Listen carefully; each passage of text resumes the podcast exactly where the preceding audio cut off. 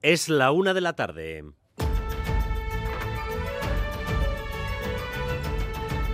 Crónica de Euskadi con Dani Álvarez. A León, la invasión de Ucrania por parte de Rusia cumple dos años. El conflicto se encuentra en un momento delicado especialmente para Ucrania, que atraviesa una fase de debilidad frente al empuje de las tropas de Putin. De hecho, se han hecho estos días con el control de la ciudad de Audivka. Los primeros meses de aquella ofensiva militar estuvieron marcados por la huida del país de miles de familias. Muchas llegaron hasta Euskadi y hoy en Boulevard hemos escuchado cómo son sus vidas dos años después. Sus vidas eh, de quienes han decidido eh, seguir entre nosotros y no regresar a Ucrania. Sus principales problemas son el acceso al empleo, especialmente de aquellos que son altamente cualificados porque necesitan muchos trámites para certificar sus títulos. Es el caso de Sergei o Ludmila, porque ambos son precisamente médicos. No queremos tener ayuda, queremos trabajar si vivimos aquí, porque yo y mi mujer tenían mucha, muchísima experiencia en diferentes partes de medicina y de ciencia también. Contrato finita, sí, terminada. En uh, nueva contrato imposible porque es mi cualificación es muy alta y yo mm, tengo en CV, es para tecnólogo en laboratorio, pero no, no tengo resultados a punto de cumplirse dos años del inicio de la invasión de Ucrania. Mientras en el Congreso de los Diputados el Partido Popular intenta convertir los resultados de Galicia en una especie de moción de censura contra Pedro Sánchez como si fuera un hecho extraordinario que el PP ganara las elecciones en Galicia. Salida en trompa hoy eh, y entre vítores de Feijó contra el presidente. Señor Sánchez, ¿qué va a inventar hoy para no hablar de lo que ha ocurrido en la comunidad autónoma de Galicia? Usted reconoció ante 16 periodistas en un off que el único camino para Cataluña y para España es la reconciliación y no la confrontación. Yo no tenía ninguna duda, aunque ahora tenemos las pruebas de que si hubiera sido por usted y no dependiera de otros, sin duda alguna usted hubiera aprobado una amnistía, unos indultos y lo que hubiera hecho falta para ser presidente del gobierno. Dijo usted literalmente, el cambio en Galicia es imparable y también imparable la caída de Feijó. Pues aquí me tiene, de pie. Final de la serie sobre las listas de la izquierda confederal a las próximas elecciones vascas. No habrá lista unitaria a pesar de los últimos esfuerzos realizados por grupos de votantes que han tratado de forzar la unión. Una unión que claramente ninguna de las dos partes deseaba.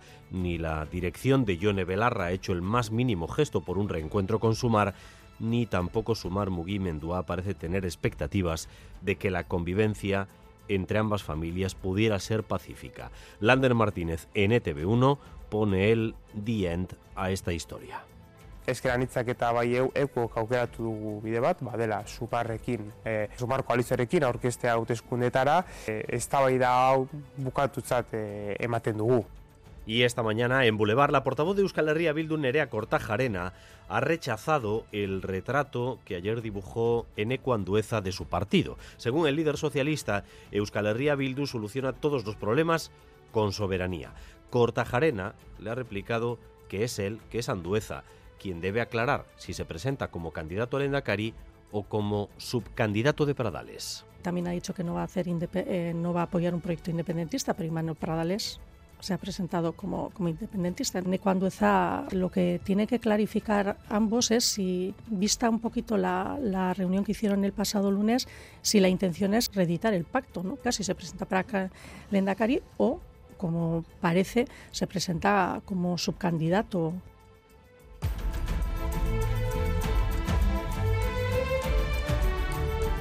Llevamos 11 meses batiendo todos los registros de temperaturas altas en Euskadi. 11 meses seguidos. Y ya ven ustedes cómo va febrero. Esto es primavera.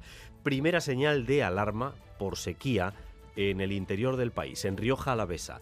Las reservas están en niveles de agosto. Así que hay que anticiparse. Miquel Saez. Sí, los sondeos de la Sierra de Cantabria que abastecen de agua a Río Jalavesa se encuentran en unos niveles similares a los de agosto del año pasado. La situación es preocupante y el consorcio de aguas de la comarca ha decidido actuar cuanto antes.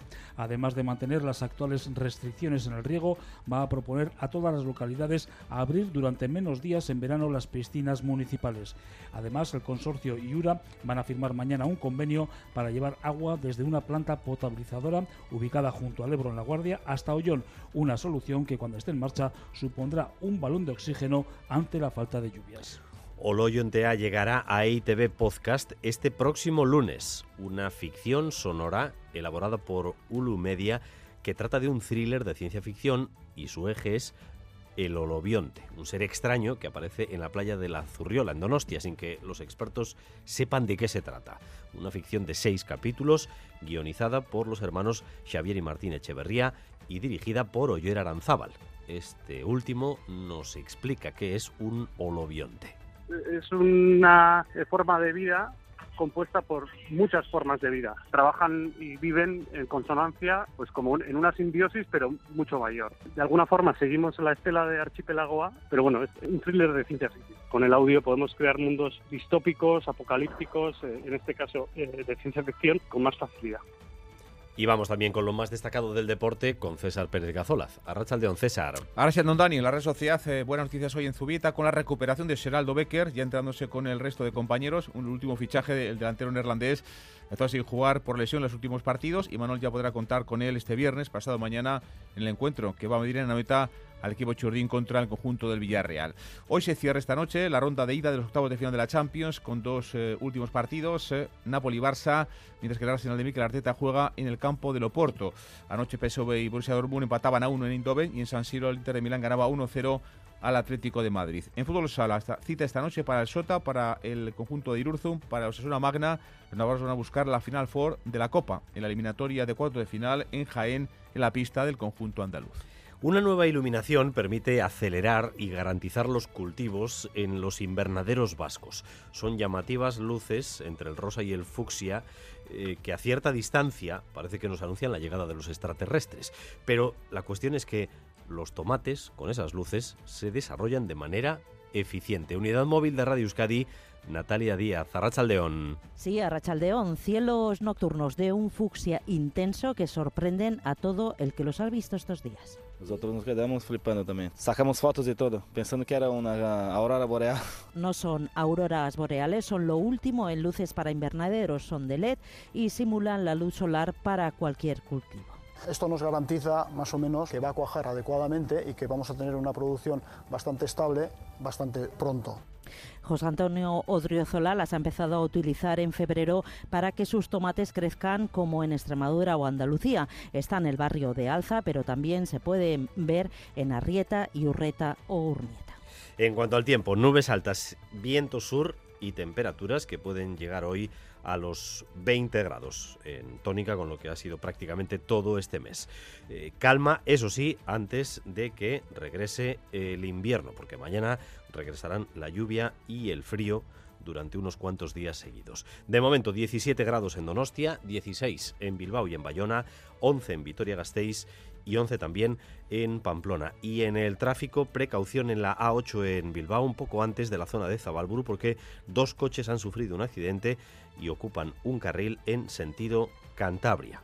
A8 en Bilbao, un poco antes de la zona de Zabalburu, un choque entre dos vehículos que han sufrido un accidente y que están ocupando un carril en sentido hacia Cantabria. 688-840-840, el número de WhatsApp de Radio Euskadi. Gracias un día más por elegir Radio Euskadi y Radio Vitoria para informarse. Raúl González y José Ignacio Revuelta se encargan de la dirección técnica, María Cereceda de la coordinación. Crónica de Euskadi con Dani Álvarez.